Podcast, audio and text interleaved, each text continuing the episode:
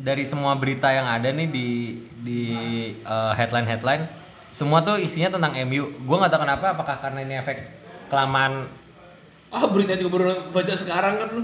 Enggak, enggak, tapi bener dari kemarin. Gak bisa ngeles City eh, mereka harus beli back baru yang pertama karena yang gue lihat adalah kemarin mereka ngarep Rodri itu bisa jadi model kayak Matic waktu awal-awal sama Mourinho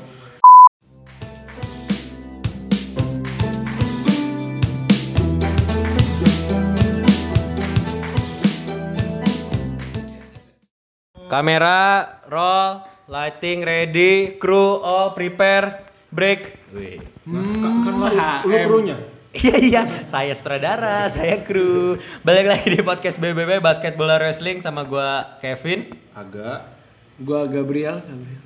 udah udah Diulang ya Bang ya ini ya tadi tagnya ya. udah Ah, enggak. kita Oke. kedatangan Tuma Tamu, Bang, jokesnya jangan diulang Bang. Tadi tadi Tuma bang, Tuman. Tadi kan gak masuk ya gue ulang Iya juga sih. sayang udah kepake di otak Betul. Jadi kita berkolaborasi hari ini dengan emang, emang kolaborasi studio BBW Equipment Peko. ah itu diulang kan Baru dilempar saya. Jadi gimana nih? Hari ini kita eh, kenalin dulu orang udah pada tahu. ini tuh yang kita audisi dari kemarin buat gantiin Kevin emang Betul, betul. Dari prospekin dari lama. prospekin dari lama tinggal nunggu Kevin Kevin kontraknya habis, Habis. di, di bumi Siapa? Jangan di bumi dong, serem. Siapa nama Anda? Nama gua Michael Jordan. Padahal ngomongin bola, Bang. Dia mau basket anjing ya. Ada Michael Gua B, lagi- ada B nya Oh, Michael B. Jordan. Gitu. Gua lagi pengen main basket loh padahal lo. Seriusan berasa pengen main basket makanya gua nanya sama lo. jadi kita dari kemarin tuh nggak tag gara-gara main basket mulu emang Mau teh kecapean. iya kemarin diundang Giannis Jadi siapa nih? ante tuh kempu kempu Capek gua. Apa sih itu? minggu lalu LeBron Oh, ini kita hari ini temanya apa Lebron sih? Jamet. hari ini kita ngomongin bekel Siap, gua kira karambol tadinya, Bang. bola dong Tapi eh, Bola bekel wrestling berarti ya. Keren lu. lu nggak ngeluarin jokes lucu Lu gak ngeluarin jokes lucu, hari ini lu keluar. tekan kontrak Oja ini udah satu kosong ya eh tai lah. Jangan lu jangan bagus-bagus jah. Lu gimana sih? hari ini menurut request Gap ngomonginnya bola Karena sebetulnya PS game. karena materinya dia banyak katanya benar dan kita sebenarnya tag gue mau ngomong dulu ya selamat kepada Indonesia udah dapat silver ya di SEA Games ya, sepak bola. harus diselamatin Iya. Ya, apa pun itu tetap medali. Nah, karena udah kalau udah final satu dan dua tetap juara sih menurut gua. Enggak bang, teman gue atlet baseball SEA Games dia kalau ngomong yang namanya juara tuh nomor satu, nggak ada nomor dua, nomor tiga. Gitu bang. cuman Cuman berjuang lu non muslim ya? Ah, nggak tahu. Sombong banget aja kayak yang penting juara dua, juara tuh satu, nggak ada dua tiga. Kalau ngomong gitu bang. Kalau kata emang Ma- benar yang eh, kalau itu pering itu peringkat namanya Eh, bukan juara kalau kata mak gue mah mau juara berapa aja juara di hati mak gue.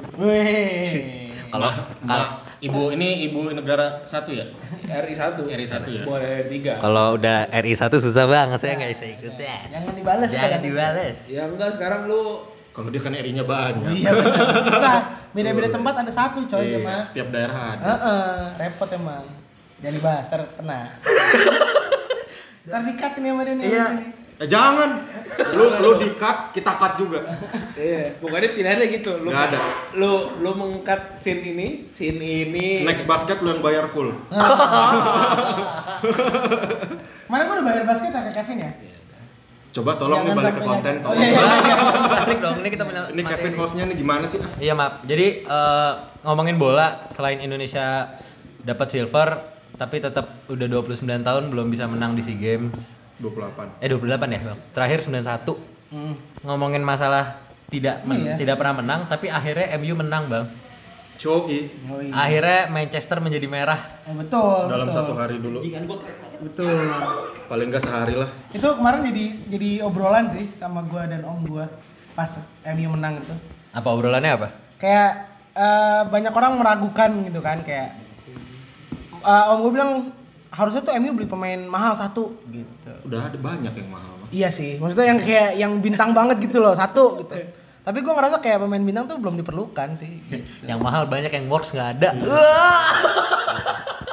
cuman Tapi gak lucu sih, sorry banget. Kenapa Iya, maaf. ketawa ya? Dia yang ketawa dia doang. Biarin deh nggak apa-apa. Dia apresiasi diri sendiri aja. Betul. Cuman at least eh, perekrutan baru MU berguna. Emang siapa sih? Fred. Dan akhirnya Wan Bisaka mengeluarkan tajinya Yo, itu. iya. Kemarin Tapi MVP loh, kemarin kalau- MVP loh. Kalau Wan Bisaka sejujurnya dari awal musim pun yang paling konsisten menurut gue emang pemain MU yang paling konsisten sih Wan Bisaka ya. Kayak tackle-nya selalu masuk. Dia pemain pinter sih, bener-bener kayak gue ngelihat dia main kayak ngeliat Gary Neville cuy. Tapi waktu awal-awal masuk, Ah enggak, kayak Patrice Evra tapi mainnya di kanan. waktu awal dia masuk gue ngeliat kayak nggak tahu mungkin gue nontonnya kan jujur aja gue nonton eh, nonton streaming susah banget ya gue nggak nemu nemu kan tuh Ada Roja Directa. Roger Directa nggak nembus nembus Gue nembus. Total Sportek juga nggak nembus nembus Kurang tajam berarti. kayaknya gitu akhirnya gue kemarin nemu namanya eh, Munyus M U W Munyus Akhirnya kriuk buana. Munyus gitu tuh tuh tuh lumayan tuh gue nonton ngeliat kalau setiap dia main tuh kayak Kalau gue ngeliatnya sih. Wan Bisaka sebenarnya dari awal musim dibanding semua pem- dibanding semua pemain MU yang ada, yang paling konsisten ya iya sih emang selain Rashford ya. Karena kalau Rashford kan emang gol ngegolin tuh emang dibutuhkan seorang striker. Hmm. Cuman kan kalau untuk back tuh kadang suka underrated gara-gara nggak ya kelihatan sih gitu. sebenarnya Kayak ya udah gitu. Cuman kayak gue bilang tadi kayak Wan Bisaka gue ngeliat Wan Bisaka tuh kayak ngeliat Evra tapi mainnya di kanan. Hmm. Dia bener-bener pinter kapan harus tackle masukin kaki untuk narik bolanya. Tackle dia kebanyakan bersih dan belum ada yang bikin penalti. Gitu. Iya, Paling mistik betul. mistik dia adalah karena corner. Kayak dia miss jaga pemain. Dia miss sundulan ya karena lawannya lebih tinggi misalnya. Cuman kalau untuk masalah tackle seharusnya gue nggak pernah ngebaca statistik sih. Belakangan nggak pernah lihat statistik cuman seharusnya sih statistik dia dibanding back back kanan lain kayaknya masih bagusan Wan Bisaka ke mana-mana untuk saat tapi soal yang lu bilang si Wan Bisaka itu kayak ya, jaga orangnya nggak bener ya? Itu yang gue lihat pas di awal musim sebenarnya. Oke. jadi kayak dia ngambil posisinya tuh kayak kayak anak SD waktu awal tuh kayak berantakan gitu. Adaptasi. Heeh, di, di tengah udah ada orang kanan kosong dia lari ke tengah ibaratnya gitu. Karena ya kan gaya gitu mainnya. Roy Hodgson sama gaya mainnya Ole ya beda sih beda ya. cuy pasti pasti berubah pembawaannya gitu. sih gitu tapi gue suka sama tapi gue seneng ngelihat Sterling di tai taiin sih sama Wan Bisaka iya iya iya iya berkali-kali Itu- coy gagal itu seseneng itu gue Jujur kalau MU kemarin tuh gue nggak nonton.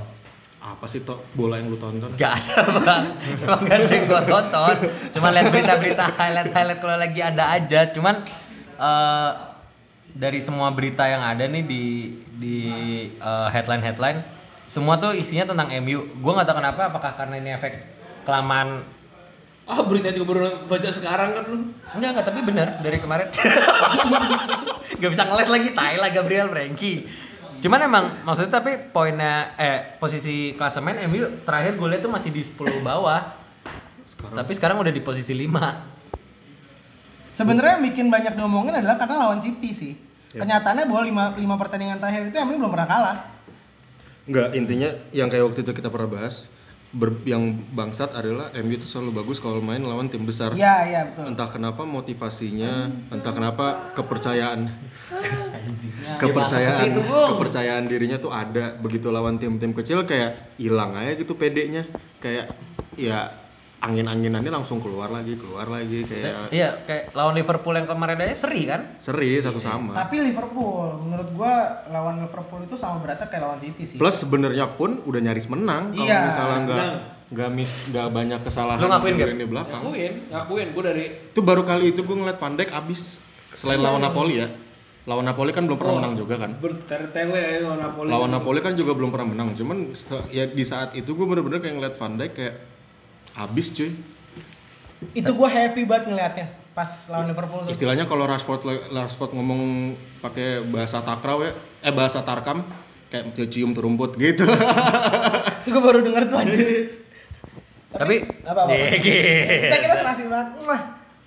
Jijik banget ya. Kenapa sih ini orang? Oke oke oke oke. Dih, temen-temen lu Oh iya benar-benar. Iya maaf. Tapi selain MU yang sedang eh, banyak dibicarakan karena menang melawan City, Arsenal pun juga sedang bergembira. enggak sih Enggak maksudnya, aduh Tidak tidak oh, Arsenal kan bergembira karena tidak kehilangan pelatih bukan? disambut. Gi- eh, gini eh, kalau menurut gue Freddy Ljungberg nggak pernah nggak bisa ditahan untuk lebih lama lagi sih kayak terlalu Manis. Bukan dong untuk dilupain dong kalau misalnya Freddy Ljungberg dia berharap Freddy Ljungberg bisa kayak si Ole model Arsenal sih salah banget kalau menurut gue. Karena dia nggak punya nggak punya pengalaman ngelatih selain jadi pelatih akademinya Arsenal. Terus dia baru ini megang langsung tim langsung Arsenal. Sedangkan bedanya kalau Ole kan sempat ngelatih di Norway dulu sempat ngelatih di Norwegia dulu sempat jadi pelatih Cardiff waktu Cardiff degradasi. Jadi kalau menurut gue uh, udah udah pernah ngerasain pengalaman dari hancurnya banget sampai bagusnya banget gitu loh kalau menurut gue. Nah kalau Limburg sih nggak bisa. Arsenal harus gercep nyari pelatih gitu. Dan kalau menurut gue Allegri nggak nyelesain masalah uh, Pochettino nggak nyelesain masalah dan menurut gue nggak nggak tahu sih. Gue di, di sisi kalau ngelihat gaya main Arsenal gue nggak tahu yang cocok untuk masuk jadi pelatihnya Arsenal siapa sejujurnya. Kalau gue dan ini kemenangan pertama setelah 10 pertandingan nggak menang juga kan kayak habis kalah lawan Brighton itu pun lawan West Ham udah ketinggalan duluan Hah, 3-0 bukan? 3-1 Oh, 3-1. Oh, yang 3-0 Liverpool ya? Liverpool Liverpool lawan Eh, aduh, lupa gua. Liverpool tuh seanjing-anjingnya Liverpool sumpah Eh, itu maksudnya orang maksudnya di musim ini. Musim ini kalau bukan karena VAR udah udah banyak cuy matinya Ada ada ada sangkalan gak Gap? ketika maksudnya Tidak, dari dari awal sadar. Kayak soalnya gini, dari soalnya dari gini gak, sorry, gue potong. VAR itu selalu dianggap dapat menolong untuk pertandingan, baik positif ataupun negatif kan. Tapi ketika VAR ini mau masuk ke Liga Inggris di musim ini, itu semua orang pada meragukan gitu. iya Dan kar- terbukti gitu loh, kayak Ka- karena sebenarnya VAR yang dimaksud ad- untuk ada di li- sebuah li- semua liga ya, yang dimaksud adalah untuk paling enggak membantu wasit meyakinkan wasit gitu loh. Kalau ini kan terkesan kayak bukan wasit di lapangan yang ngambil keputusan. wasit VAR kan, wasit, yang di belakang ngambil kan. keputusan Ah, ya. gitu loh. Sedangkan sebenarnya fungsinya VAR itu adalah untuk kalau misalnya emang wasit ragu ini penalti atau enggak misalnya atau hand atau enggak atau ini sebenarnya goal offside atau enggak gitu. Jadi tetap wasit yang punya keputusan untuk bilang enggak atau bilang iya. Sedangkan kalau belakangan ini tuh kayak wasit udah kayak golnya penaltinya Rashford kemarin yang lawan City itu kan bola udah jauh ke depan dulu, udah Iya, udah iya. udah udah udah sempat dibuang dulu bola gitu loh dan ini tiba-tiba diberhentiin kayak wasit di lapangan udah nganggap itu bukan penalti gitu loh. Gua jujur nggak masalah kalau itu emang bukan penalti, toh emang main MU mainnya bagus. Berapa berapa tendangan masih bisa jadi gol kalau misalnya emang itu nggak penalti gitu loh. Cuman yang bikin gue juga ya gue kalau jadi fans City juga gedek gitu loh kayak bola udah jauh banget cuy Ya, ke depan gitu. Nah Liverpool anjingnya adalah udah satu sama, udah dua satu, udah satu kosong ketinggalan, udah sampai babak, udah menit-menit terakhir itu kayak hokinya gede banget anjing. Jangan ngomong ke gua lah. Dapat aja kayak lawan Leicester Tapi iya. empat sama. Ya sekarang lo ngomong lah tuh ke wasit. Jangan Itu- ngomong itu. kok, bukan Malah, anjing. mak- makanya ada jokesnya kan kenapa kegagalan ke- banyak-banyak kemenangan yang gagal dari Liverpool di Champions League kan karena nggak bisa bayar VAR Champions League. Jadi kalau Premier League lebih murah. Cuma slot di Premier League doang. Paketnya lebih murah. Ada paket hemat bang. Pakai Coca-Cola sama burger. gitu. Gak apa-apa ketawa doang di interupsi. Si anjing anjing. Cuman banget. eh gue ngambil dari podcast sebelah sih bang beritanya Liverpool nih eh, apa namanya seperti di beberapa pertandingan terakhir itu dia bisa nggak tahu hitungannya hoki apa enggak ya ketika selalu membalikan keadaan gitu bang Jujur kalau ditanya terus. mainnya bagus ya bagus. Bagus. Liverpool tuh Ditanya bagus banget Mainnya bagus mah bagus. Menurut Cuman gua. ada beberapa kayak udah mereka deserve kalah. tapi bisa Tiba-tiba bisa seri, Ah. tiba-tiba bisa menang kayak gue bisa ngeliat kayak lawan MU walaupun itu bukan VR yang bergerak ya. Emang gobloknya lini pertahanan MU aja gitu ya. Cuman kayak itu di pertandingan itu kayak kayak bukan Liverpool mainnya gitu, kayak bukan Jurgen Klopp gitu loh kayak berantakan banget sih. Tapi emang gua harus Liverpool tuh bagus. Dan nonton Liverpool tuh menurut gua dari udah Jurgen Klopp berarti udah berapa tahun sih? Tiga ya? tiga musim Tiga musim, tiga kan? musim Ini musim ketiga kan? Musim kedua Jurgen Klopp berarti tahun lalu yang di juara champion sama tahun ini tuh menurut gua nonton Liverpool tuh nikmat. Karena enak ditonton ya. Nikmat. Plastik nih kayaknya nih. Nggak nikmat kan? plastik MU. nikmat banget tontonnya, nikmat banget tontonnya. Maksudnya gue sebagai yang ya gue MU lah gitu kan kalau liat Liverpool kayak kalah aja lo anjing gitu kan, pasti Santai. gitu kan. Gak pakai anjing berapa nih? Anjing anjing anjing gitu kan, kayak kalah aja lo. tapi, tapi gue setuju sama Oja kayak ngelihat bola Liga Inggris 2 tahun terakhir tuh dibilang miris ya miris gitu lu ngelihat City sama Liverpool lebih bagus gitu daripada MU ya gimana gitu loh menurut gue kayak Ole juga kemarin di di press conference-nya abis lawan City dia juga bilang kayak it's very hard to, to see Manchester City is better than us gitu loh kayak the other part of Manchester club is better than us tuh kayak ngelihatnya tuh nggak enak aja gitu loh cuman ya bisa ya mau di gimana juga ya mereka mau lebih bagus Emang gitu. lebih bagus, memang mainnya nikmat kalau udah tontonnya enak. Iya, dan kayak gue waktu itu pernah deh sama Kevin ngebahas yang kita tentang klub yang tiba-tiba ah yang tip yang punya sejarah tapi Ya. jadi rusak. Gue juga pernah kayak pernah ngomong sama Kevin bahwa beruntunglah kawahai Liverpool punya Jurgen Klopp gitu loh. Kalau di saat itu Brandon Rodgers masih ada pun gue nggak yakin bisa bisa Nggak. sebagus itu karena Eh, Brand- bener, Ronaldo juga nomor 2 bro sekarang. karena dia di di tim model Leicester perekrutannya pemain-pemain yang cocok untuk klub kayak Leicester. Iya. Iya. Sedangkan waktu dia di Liverpool, dia beli pemain yang pemain-pemain yang cocoknya main di Leicester justru. Ngerti nggak? lu? Iya, iya. Nggak nggak cocok sama Nggak caranya cocok Liverpool. sama Liverpool. Fabio Borini. Coba, lu mau komen apa tentang Fabio Borini direkrut Brandon Rodgers? Mario Balotelli. Gue bingung sih kalau lu masih bisa ngeliat positifnya dari dua pemain itu. Positif, gitu. positif itu kan jualan tahu di depan. Iya, kan? Kayak yang bagus, yang work out pembeliannya Brandon Rodgers itu Coutinho sama Emre Can.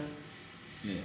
udah gitu loh kayak kiper yang mereka beli Simon Mignolet ya untuk klub kayak Liverpool gue nggak deserve dia main di Liverpool gitu loh dia bagus di Sunderland tapi nggak cocok untuk main di Liverpool Ya, gitu itu beberapa pertandingan. Ada punya update lain? Yang lain punya update pertandingan? Diem. Apa update lain lagi? ya? Everton menang sih lawan Chelsea 31. 3-1 Anjing gue malah nggak tahu. Dun Duncan Ferguson pelatihnya dia tuh legendanya Everton Sekarang Everton peringkat berapa sih? peringkat bawah degradasi Bawah. Iya 14 Enggak cuy, nggak ada gradasi. Nggak Udah ada 14 sekarang. tapi jaraknya deket ya Iya, jaraknya semuanya deket kok. Jaraknya tuh cuman beda satu poin, satu poin, satu poin semua. Iya, cuman Liverpool doang paling jauh. Cuman- Mungkin kepleset nggak? Eh, nggak tahu Nggak tahu. kalau gue bisa Soalnya udah setengah anjing. Gue bilang kan sama lu, udah setengah anjir masalahnya. Gue kira ya ada kalau misalkan kepeset awal ya ya udah. ya realistis aja lah maksudnya kalau Udah menurut setengah. Hmm, menarik sekali. realistisnya adalah justru si si City yang City turun, kepleset kan? turun banyak Iya. di City jadi untuk bisa nge-recover 14 poin ketinggalan sih sulit kalau menurut gue Saya sebelum sebelum lanjut ke updatean-updatean lain, bacain 5 teratas dulu ya. ya Nih, peringkat pertama Liverpool. Semua udah main 16 kali main. Liverpool itu main 16 kali menang 15. 15. Seri Satu. satu kalah 0. Total poin 46 bang. Ya, lo harus tau yang bikin dia sedih cuma siapa? Cuman MU. MU. Anjing. Kedua Leicester dengan Brandon Rodgers-nya main sama semua udah 16, menangnya 12 kali, seri 2, kalah 2. Dia kalah 2 sama siapa ya salah Leicester? satu MU-nya Oh, MU yang kemarin. salah ya? satu MU Anjing tapi Leicester sesuai prediksi orang-orang ya, maksudnya di musim ini bakal Duar lagi. Iya, kayak maksudnya musim yang kemarin kan dia cukup nggak ya udah gitu Bisa papan aja. tengah kan, papan tengah gitu. Tapi Iya. Leicester, menurut gue Leicester di papan tengah itu bagus banget loh. tim dia untuk masih untuk gak masuk top 6 itu Masih- susah untuk diterima. Kayak mereka tuh Yuri Tillemans bagus terus mereka beli apa temennya Yuri Tillemans Dennis Pre, Dennis Praet apa namanya kalau nggak salah. Itu juga bagus. Dua-duanya bekas Anderlecht terus mereka punya kiper Kasper Schmeichel. Gue selalu percaya kiper makin tua makin bagus. Iya, iya, iya. Terus back mereka Johnny Evans itu bagus banget. Mainnya sama Caglar Soyuncu itu pelak, apa pemain Turki. Itu dua-duanya bagus. Terus eh, back kanannya Ricardo Pereira Portugal. Salam Messi. Ricardo salam Salam Messi. Salah dong. kirinya Ben, ben Chilwell, Ben Chilwell. Nah, cuman permasalahannya kalau di bulan di Januari nanti mereka kehilangan banyak pemain karena dibeli tim lain. Nah, itu yang bikin akhirnya Tapi yang kalau gue lihat Leicester itu gini, eh, dia kan Fardi balik nyat ke form Iya. awal. dia kan baru baru masuk ke Liga Inggris aja, itu bu- 10 tahunnya belum nyampe. Tahun berapa sih berarti? Seingat gue dia juara Setahun gitu. setelah juara. Sta- eh, Eh, setahun sebelum, sebelum juara. juara. kan, juara itu tahun 2017an kalau nggak salah. Berarti di di Iya kan? di musim dia promosi ke Premier League dia langsung jadi juara. tahun depannya, tahun depannya. Oh, tahun tahun depannya depannya. juara. Jadi gini, menurut gue dengan tim yang umurnya baru sumur jagung lah di Premier League, ada di papan tengah aja tuh udah lumayan gitu. model itu udah Bournemouth contohnya Iya itu tuh udah kayak like a dream come true aja ada di papan tengah. Dia bisa masuk 10 besar itu itu hebat banget gitu. dan sebenarnya dreams menurut dan gua. sebenarnya tatakannya eh, apa patokannya Leicester setelah juara emang nggak mau nggak mau harus makin tinggi Iya gitu. Jadi emang melihat dengan dia udah pernah juara walaupun saat itu emang tim-tim besar lagi pada hancur-hancur ya. Cuman setelah itu standarnya jadi naik Iya. pasti. Sekarang ya Kayak karena targetnya naik beda. gitu kan. Tapi menurut gua sometimes dia turun di bawah 6, 7 menurut gua ya udah lu masih posisinya masih berkembang terus. Dan gitu. ini balik lagi sama aja kayak beruntunglah kau wahai fans-fans Leicester City mereka ngambil Brendan Rodgers. Lanjut ya. Lanjut. Tapi sebelum itu kalau gua lanjut, gua kalau ngomong Leicester City itu udah nggak jadi tim mediocre pada setuju nggak? Iya iyalah. setuju, setuju. Udah jadi tim gede. Udah jadi tim besar sekarang. Keren. Apalagi dengan juara itu kan berarti permodalannya juga makin tinggi kan gitu.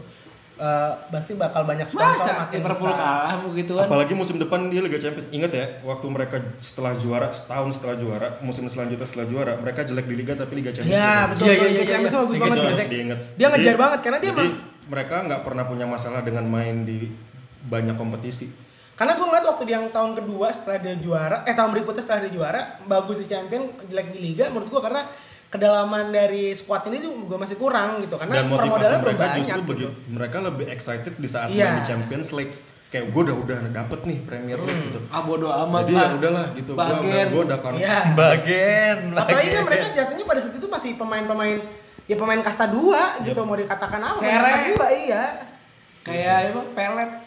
Pemain kasta 2. Betul, betul. Bisa main di Liga Champion nginjekin kaki di rumput aja tuh udah bahagianya minta ampun. Lawannya Barca gitu Iya, kan. kan? Atletico gue inget loh. Yang ada juga gue yakin itu pemain pas misalkan lawan Barca gitu ya. Itu si Fardi atau si Mahrez saat itu foto sama Messi tuh, Bang. Foto dulu Bang, boleh Bang.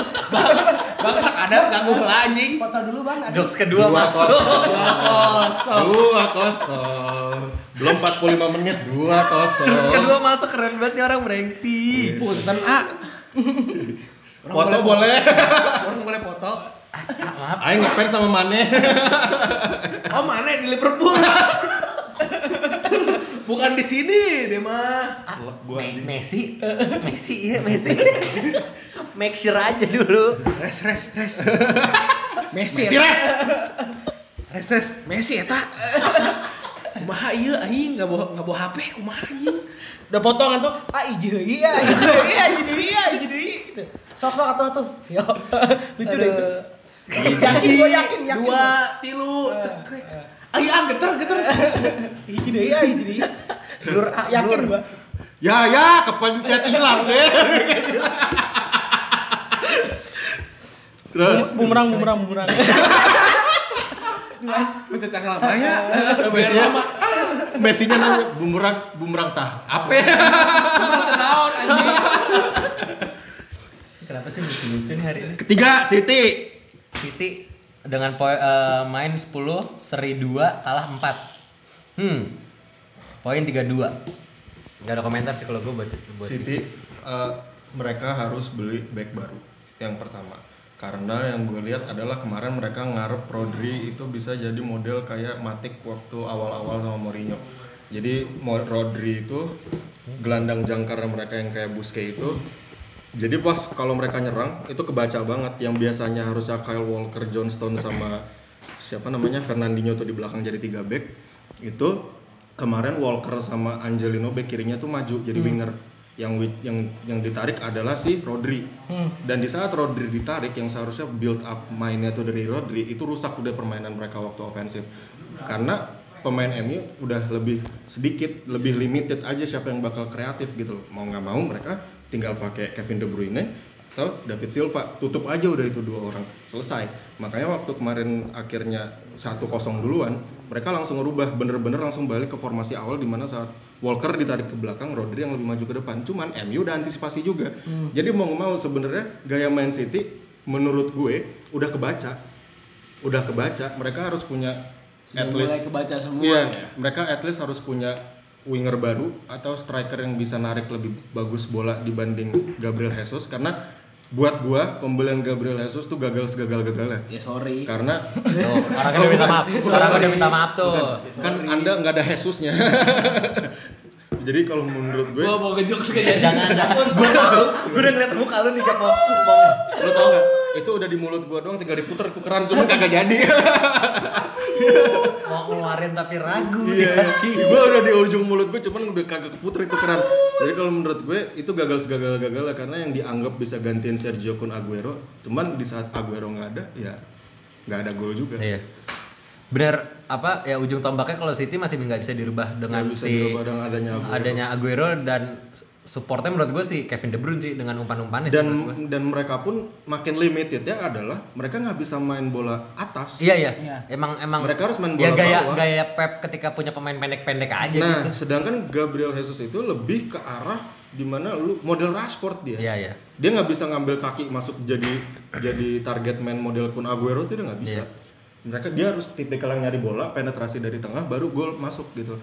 Bukan tipikal yang kayak Aguero. Ya itu pendapat gue. Jadi kalau menurut gue gaya main ini udah mulai ketahuan, udah mulai kebaca gitu loh. Dan Guardiola tuh kalau gue ngeliat udah kayak Ferguson zaman terakhir-terakhir zaman terakhir-akhir zamannya dia di MU sih kayak gue udah nggak tahu nih untuk gue untuk gue menang caranya gimana. Nah, gue harus main jelek atau Karena harus rum- dia udah punya rumus yang menurut dia ya gue udah terlalu nyaman sama rumus ya kan sebenarnya. Soalnya Pep itu menurut gua sebelum di sini kan berarti eh, Bayern sama di Munchen sama di Barca kan. Gua ngeliat bahwa let's say di Barca aja. Di Barca itu pada saat eh, yang siapa yang kanker? Sorry gue lupa. Tito Tito Villanova. Tito Villanova aja dia ma- eh, rumah sakit kan. Barca kan nggak pakai manajer saat itu main kayak orang kayak anak SD aduan aja. Kayak anak. SD aduan aja kan nggak ada manajernya kan. Tapi menang. Menurut gua saat itu Barca itu tanpa Pep itu udah bagus. Kebayang gak sih emang dari dari dari formasi pemain ini udah gila gitu saat itu. Eh, Enggak. lebih bukan lebih ke ya? liganya kalau menurut gua. Bukan. Liganya nggak ada saingan. Bukan, bukan gak ada saingan. Madrid Jam terbang masing-masing Iya, pemain. itu udah tinggi banget. Udah sering ketemu. Madrid saat itu kan bagus. Iya sih. pun itu juga kayak sering hangout bareng Ah, jadi kan iya, di- building apa, apa eh, chemistry-nya ada. chemistry-nya ada. itu off dan on court tuh ada. Ada, gitu. Jadi tanpa pelatih yang menurut Iya. gua dan dari bener Oja ngomong tanpa pelatih pun bisa menang. bisa menang karena emang harus gua akui bahwa Barca tuh saat dipegang Pep itu imba banget gitu udah nggak ada obat deh hari itu ya lu bayangin aja Messi lagi mantep-mantepnya belakang ada Puyol ada Pique gitu kan ya lu harapan lu apa ada Xavi Iniesta di tengah gitu kan kagak pakai manajer gue yakin menang gitu pada saat itu Pep itu manajer juaranya banyak ya sorry itu saya Pep itu bukan bikin juara Pep yang dibuat juara menurut gue gitu Yep. di Munchen juga sama Munchen itu pemainnya gila-gila saat itu Hollywood. Philip lah. Tim tim Hollywood. Iya, saat itu kan ada Ribery, Ribery, ada Robben. Gitu kan. Depannya juga Sayap kanan kiri. Robben sama Ribery kan tuh. Iya kan? Giliran main FIFA gue liat akselerasinya kok 96 tapi tua-tua. Pusing gak lu? gue entah kenapa punya feeling kayak ya nggak tahu sih cuman kayak feeling aja kayak kayaknya sih feeling ini kayak tahun terakhirnya di di City kalau gue ngerasa karena ini kebaca dari pas dia sama Munchen juga waktu dia kayak gue bilang tadi gue masih tetap dengan kalau nggak salah di podcast sebelumnya juga dibahas waktu zaman Ferguson akhir-akhir siapa? ya? Posket sebelah. Sebelah mulu dari tadi nih. podcast ya itu dah pokoknya sih box to box Kotak tuh kotak. Iya. box to box tuh ada salah satu Sebelah mulu. siapa namanya? Apa kayak yang mereka tamunya mereka mereka undang tuh bilang kalau zaman zaman zaman akhirnya Ferguson di MU tuh kayak udah gue bingung mending gue beli Van Persie deh udah pasti bakal ngebantu gitu. Nah itu terjadi juga sama waktu Guardiola di Bayern di mana saat itu mereka punya Mandzukic udah bagus cuman ya kalau ya kita sama-sama setuju lah kalau Bayern emang mau gimana pun juga akan tetap juara gitu Iya. Ya, Iya, cuman tai. cuman entah- Dortmund lagi bagus-bagus gitu bayar. Hmm. Cuman waktu itu cuman waktu itu di Liga Champions nggak guna sama sekali si Mandzukic itu. Hmm. Akhirnya mereka belilah Lewandowski. Sama aja kayak MU beli Van Persie dari Arsenal iya. gitu kalau menurut gue. Oh beli Lewandowski itu pas zamannya Pep ya? Zamannya Pep. Zamannya Pep sama Di mana dia di Dortmund lagi? awalnya Godze dulu yang masuk. Iya, iya ada Oh. Godze juga Godze. Godze masuk. Sedih tuh. Musim selanjutnya Lewandowski. Kan itu dia tiga serangkai tuh ibaratnya Godze, Reus sama Aubameyang. Enggak. sama dong. apa? Lewandowski. Lewando- Reus, Reus, Lewandowski sama Godze Godze. di apa Dortmund. Yang bangsa tuh timing pembeliannya anjing. Dibeli waktu final Liga Champions harusnya Dortmund lawan Bayern Munchen. Iya. Jadi waktu itu Godze nggak boleh main. di final walaupun dibilangnya saat itu cedera Padahal nggak boleh main aja kan. nah itu yang terjadi kalau menurut gua saat ini dengan City di eh, Pep di City saat ini. Dia kehabisan otak kayak gua nggak tahu nih De Bruyne udah main gue tetap butuh Aguero. Di saat Aguero udah main gue tetap butuh De Bruyne gitu loh. Gue nggak baca lagi gue nggak baca stat- statistik mereka tanpa Aguero gimana mereka tanpa De Bruyne gimana. Cuman mau mereka menang atau enggak tetap gaya mainnya tuh beda. Beda aja sangat terlihat banget. Dan ini terjadi waktu kemarin lawan MU gitu loh. Kayak gue bilang lagi limited banget. Dan gue ngerasa kayaknya Pep melakukan sesuatu yang baru.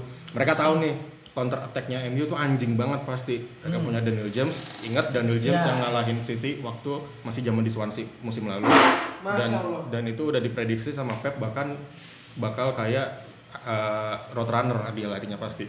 Dan itu Pip, pip. dan mereka dan dia pun yakin gitu bahwa ini bakal terjadi di MU saat ini. Mereka punya Rashford punya Martial punya Daniel James dan umpannya McTominay nggak bisa disepelein juga. Jadi mereka punya kecepatan di dua sisi dan tengah di tengah juga bagus gitu. Dan itu yang kayaknya Pep uh, ini Pep antisipasiin di mana mereka lebih ya udah deh gue pasang aja ini dua di jadi winger. Toh ntar ke track back juga kan nih orang-orang gitu nah, sedangkan salah satu permasalahannya Kyle Walker adalah di saat dia sudah di depan dia nggak akan bisa balik lagi Mager ya? dia mageran dia udah di depan tuh nggak akan bisa balik Wah, Emrah Suha tuh. makanya wah Umpan jalan. Zulkifli ujung jadi kalau Bukan kalau- lari jalan ya bang. dan komentatornya kemarin pun bilang makanya ada foulnya Kyle Walker yang dapat kartu kuning gue inget banget itu karena yang dibilang dia bilang Walker kalau udah kerebut bola di depan udah nggak bakal mau dia ngejar ke belakang udah pasti ketinggalan gitu Jalan aja dia ke namanya. Walker. yo Wah, iya lah ya. tiga kosong Padahal gue bisa masuk ya di situ ya. Kok gue gak masuk ya Jaya? kalah Kok lu brengsek sih? Masuk lagi ke posisi gue langsung aja masuk lah masuk ke posisi 4 Chelsea di mana eh, dia Ya, Menang foto iPad Iya, iya, iya. Mau jadi tiba-tiba mau organization gitu kayak "Hmm, kenapa nih? Chelsea jujur gua- Chelsea itu sebenarnya gini sorry gue potong aja. Eh jangan lagi gak. Eh, ketika dia sekarang posisinya itu posisi keempat, menangnya 9 kali, seri 2, kalah 5. Tapi menurut gue pencapaian yang bagus untuk seorang si siapa? Frank Lampard. Frank Lampard. karena underdog Ah. Tim, jadi tim underdog mau nggak mau ya dia underdog lu. dia, Gitu. dia sadar Betul, betul, pos- dia sadar posisi kayak waktu Mourinho bilang di awal musim Chelsea ngambil Frank Lampard tuh beli waktu bukan beli pemain karena mereka Iya. nggak bisa beli pemain Iya. jadi mereka ya udah Frank Lampard segampang-gampangnya jadi pelatih aja lu main sebagus mungkin mau menang kalah nggak ada masalah karena kalau menurut gue ya gue setuju bahwa Chelsea musim ini di luar ekspektasi gue justru lebih bagus dibanding apa yang gue pikirin gue waktu itu bilang kalau nggak salah Chelsea bakal end up di kalau nggak 76 Tengah-tengah, papan tengah masuk papan tengah. kalau nggak tujuh enam. karena karena ya nggak bisa beli pemain dan Lampard pun baru ini ngelatih tim besar. Setelah sebelumnya derby doang gitu. Waktu itu derby juga bagus gitu loh. Derby Conti. derby county cuman saat dan di saat dia masuk dia salah satu pelatih yang sebenarnya nggak pu- yang punya banyak pilihan sebenarnya. Sorry punya banyak pilihan di lini tengah. Jadi Mason Mount Mason Mount pemain muda dia sur- surprisingly lebih bagus daripada di Derby County. Tammy Abraham ternyata lebih bagus dari musim lalu waktu dia masih di Aston Villa dan masalah mereka cuma back tengah dan back kiri Iya. makanya ini ada berita mereka pengen beli Ben Chilwell karena transfer ban mereka udah diangkat Oh udah di Ban-nya kan tadi dua transfer, dua periode transfer. Sekarang cuma jadi satu, periode transfer, which is berarti Januari dia bisa beli pemain. Soalnya jujur gue nggak tahu loh pemain-pemain Chelsea sekarang. Se nggak tahu itu gue bener-bener. Dan itu jadi jadi berkah buat timnas Inggris. Jadi Semuanya jadi pemain-pemain ternyata pemain-pemain muda yang dimainin Chelsea surprisingly bagus banget emang. Ah. Yang mereka punya di akademi itu emang bagus gitu loh kayak kalau nggak salah ada Tomori namanya lahir di Kanada tapi emang megang model Owen Hargreaves ingat nggak? Dia lahir di Kanada tapi lebih milih timnas Inggris. Terus Tomori itu salah satunya. Terus ada bek kanannya. Ada yang bukan Bahdim berarti. Gak, gak, gak, gak, gak dihitung, gak dihitung. Gak begitu pecah, tipis aja. Sama Lili Pali bang. Iklan Rex Corna bang.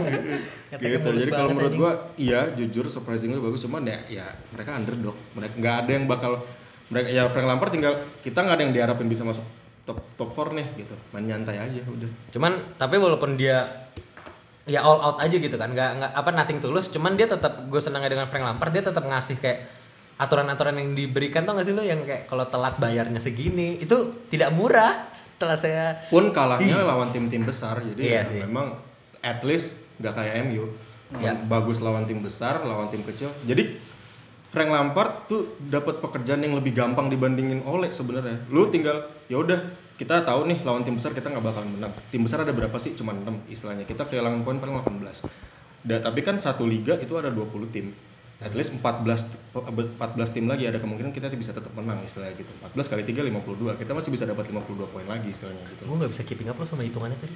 gitu jadi kalau menurut Gua gue emang lo. Karena kalau kalau menurut gue ya gak Frank dapat pekerjaan paling gampang dibanding Iya. Ole gitu.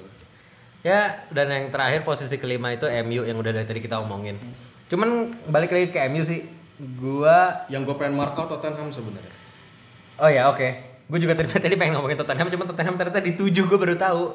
Yang tadinya lima besar ternyata sekarang jatuh ke tujuh ya. Di bawahnya Wolverhampton. At least Jo- Jose Apa- Jo- apa sih? least Jose, Jose Mourinho bisa ngangkat kepercayaan diri pemain lagi.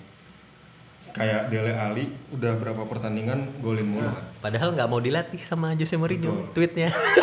Tuh se-awkward awkwardnya orang sih anjing. gue bingung tuh, ih pernah nge-tweet gitu terus kayak jadi manajer gua.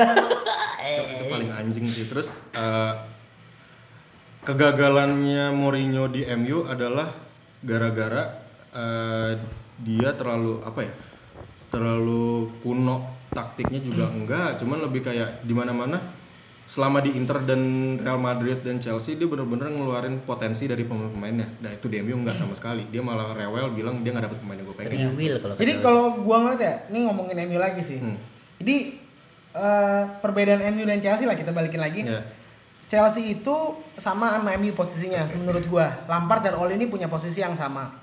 Bedanya kalau kata Aga tadi kan Kerjaannya. eh, kerjanya lebih mudah. Kenapa? Karena memang Underdog. targetan dari masyarakat lah ibaratnya Fansnya dari sih, fans, iya, dari fans terhadap sih. Chelsea sama target dari fans terhadap MU ini beda, Beda gitu banget. menurut gua. Jadi gue pernah ngerasa saat misalkan let's gue ikut turnamen atau apa gitu ya saat gue dipaksa untuk menang gue biasanya mainnya hancur gitu tapi saat gue yaudah lo main aja lah nating tulus itu gue jago di situ mainnya gitu nah itu ini yang, sebenarnya yang terjadi zaman Ole sebelum dapat kontrak iya itu itu Oleh sebelum dapat kontrak dia nating tulus Nating banget. tulus, nating Nah, ya tulus. udahlah gue kedapat kerjaan ya udah kalau enggak ya udah gue masih bisa balik Dan mainnya bagus kan, mainnya gitu. pun bagus kayak dan kok apa percayaan diri pemain-pemain tuh ada aja Hmm. gitu kayak Anjing gue dilatih legend.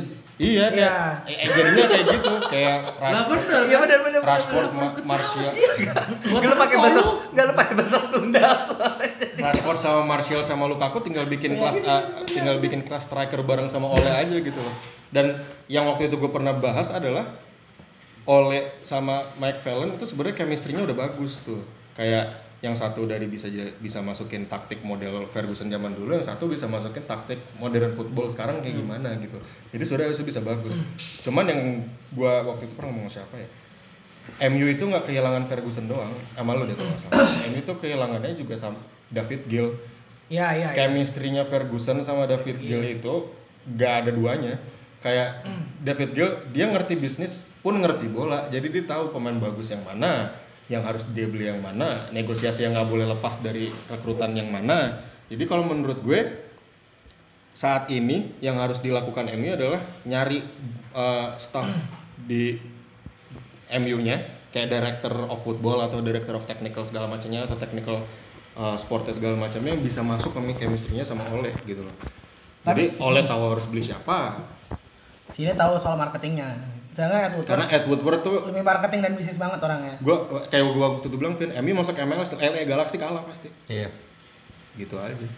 dan gua ngeliat eh, waktu itu jadi gini eh, menurut gua kenapa yang balik lagi pertama soal target dari fansnya gue pernah waktu itu dengerin YouTube-nya Panji Iya. waktu dia ngomongin soal MU. MU. Dan gua tak kenapa di situ gua kayak anjing ini gue setuju banget, gue setuju banget gitu. Dia ngomong bahwa saat misalkan MU itu sekarang udah sama kayak tim-tim yang dulu dia ledekin fansnya. Kayak let's say misalkan ah City beli pemain mahal-mahal mulu loh gitu. MU juga sama gitu. Eh, Kedua Liverpool. Liverpool kita katain kayak mana lu nggak juara-juara mainnya jelek mulu ganti-ganti pelatih mulu iya kan jelek mulu ini juga mainnya jelek mulu terus kayak kita ngatain Chelsea pelatihnya gonta-ganti mulu kita juga gonta-ganti pelatih mulu gitu Arsenal kita katain ala lu cuman ngejar eh, Champions League doang eh, peringkat 4 doang kita juga sama ngejar peringkat 4 doang karena peringkat satu kayaknya hard to get banget Paling gitu bagus zaman Mourinho musim kedua peringkat dua. Iya gitu kan karena akhirnya kita jadi kayak eh, tim yang selama ini kita ledekin mulu gitu. Jadi so far dari setelah zaman Ferguson mau nggak mau ya harus dipercaya atau enggak, harus diterima atau enggak, Mourinho paling bagus. nah, nah gue lihat adalah posisinya kenapa gue selalu bilang bahwa semua itu butuh proses gitu. Yep. Semua itu butuh proses dan gue ngerasa gue pengen banget balik ke masa yang gue rasakan saat pelatihnya tuh Ferguson gitu. Kayak gue nyantai lah nonton. Ferguson. Ferguson ya, Fer, Fer, Fergie, Mau- Fergie. Mau main jelek tetap menang. Iya gitu. Kayak gue ngerasa pede lah pertama gitu kan. pede banget gue nonton kayak udah gue nikmat nontoninnya dan untuk masuk ke ma- masa itu lagi fase itu lagi nggak bisa dengan cara yang instan gitu. Nggak bisa dengan beli pelatih bagus eh hire pelatih bagus eh, manajer bagus juara enggak beli pemain mahal langsung bagus. Ya jadi kayak City tiba-tiba turun lagi gitu. Coba kapan MU pernah nawar pemain ke eh, harganya ketinggian atau kalah sama tim lain, mereka mati kutu nggak bisa beli pemain lain. Gue inget banget zaman PE mereka mau beli Eden Hazard yang akhirnya malah ke Chelsea, mereka udah punya backup plan in Shinji Kagawa. Hmm. Itu pun juga terjadi waktu mereka mau beli Lucas Moura yang akhirnya cabut juga ke PSG. Hmm. Dan waktu itu gue banyak banget Ferguson bilang untuk gue ngeluarin duit 40 juta pound sterling ngebayar, ngebayar Lucas Moura yang kita belum tahu di Eropa bakal bagus atau enggak. Mending gue beli pemain lain yang emang lebih bagus gitu. Dan itu pun terjadi saat ini sama MU. Yang mereka ngata-ngatain kemarin-kemarin tuh kayak lu lihat lah nggak bisa beli di balak mati kutunya. iya Nggak ada nggak ada opsi lain. Dan ad- dan gue langsung kayak gue ingat ada satu striker Ajax yang sekarang pindah ke Liga Prancis ke Nice itu namanya Casper Dolberg orang Denmark bagus at least bisa jadi backupnya Martial sama Rashford karena saat ini mereka nggak punya backup selain Mason Greenwood gitu loh untung Mason Greenwood bagus gitu loh kalau kalau misalnya dia aware sama pemain la, pemain lain selain Dybala itu Dolberg dibeli cuma 15 juta masalahnya adalah setahu gue Edward Wright itu nggak mau beli karena si nama pemain nomor 2 itu nggak ngangkat secara marketing dan bisnis karena gitu. itu kenapa harus punya director of technics Akhirnya. atau director of football karena perekrutan yang dilakukan Ed Woodward itu pure Ed Woodward yang mau Iya bukan karena pelatih ya, yang akhirnya cuma ngeliat dari sisi bisnis dan marketingnya aja. Setahu gue Daniel James juga dia pernah waktu itu udah mau ditawar sekian. Woodward nggak mau karena ngerasa belum ada namanya nih. Tiba-tiba dia main di Inggris ya kalau nggak salah ya. Mainnya bagus Wales, gitu kan. Di Wales waktu itu ya. Mainnya pokoknya dia Timnas seperti siapa tim- gitu. Pokoknya main di Wales. timnas aja. Pemain itu bagus. Abis main di timnas bagus, harganya naik dibeli gitu. Lucunya adalah kenapa lu beli kema- nggak kemarin gitu karena alasannya ya karena kemarin namanya belum ada untuk marketing gitu dan gue ngeliat kalau lu mau berhenti dari hal-hal kayak gitu adalah jadi masa ini harus pelan-pelan gitu dan gue ngeliat udah ada prospeknya udah ada progresnya gitu. Gue jadi itu Rashford yang terjadi pun sama Liverpool zaman masih dipegang sama pemiliknya Boston Red Sox. Itu yang masih terjadi. Mereka ngambil pelatih dari eh, setelah Rafa Benitez ngambil eh, Roy Hodgson.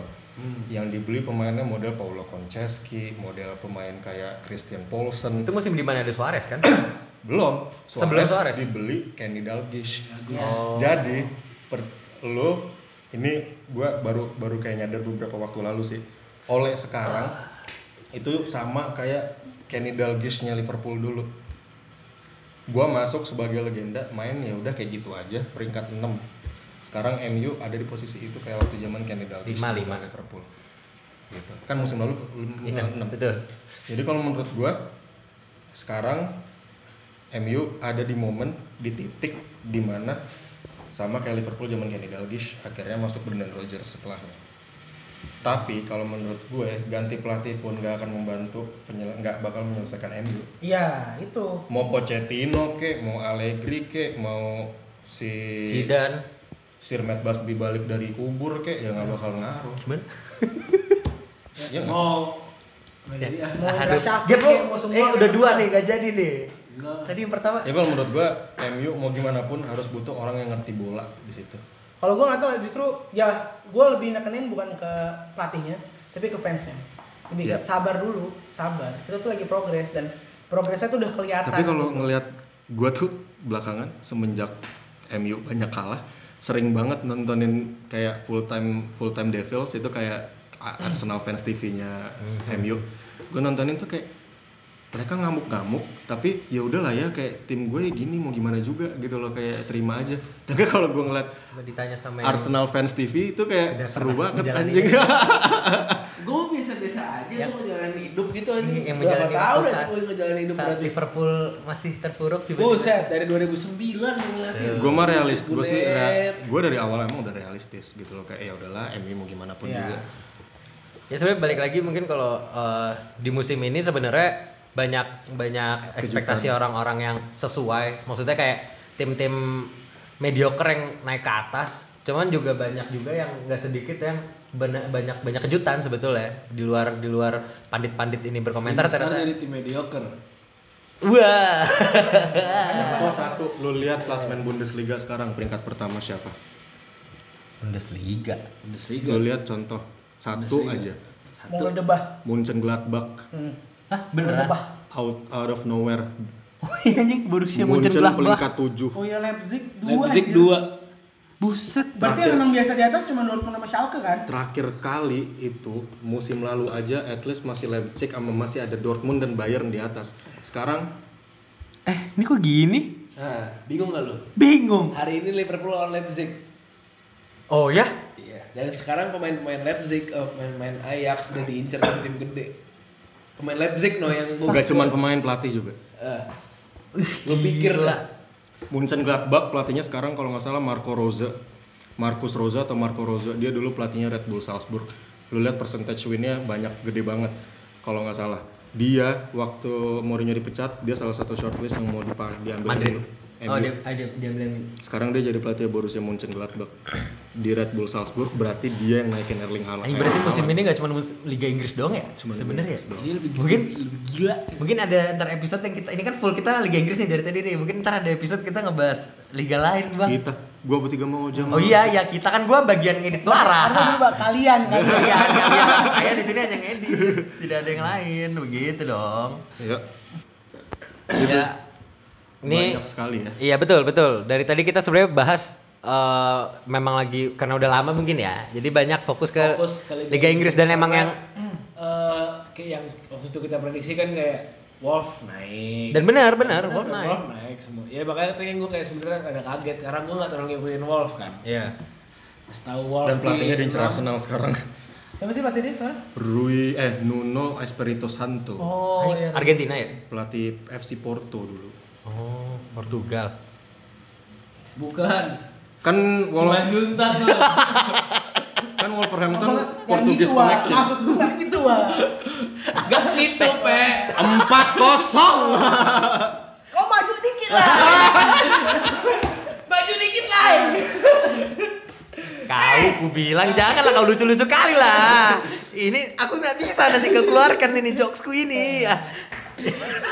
ini gila 4-0 loh. Berarti Eh, Lai, maju gak? Eh mantap kali lah bang, maaf nih bang. Aku mau ku tengok-tengok kita udah mau tutup ini bang. Lai, kamu tutup gak di acara ya? Eh, ini akan Eh, akan aku tutup lah bang. lama juga kayak udah berapa menit sih 40 menit 47 ya 47.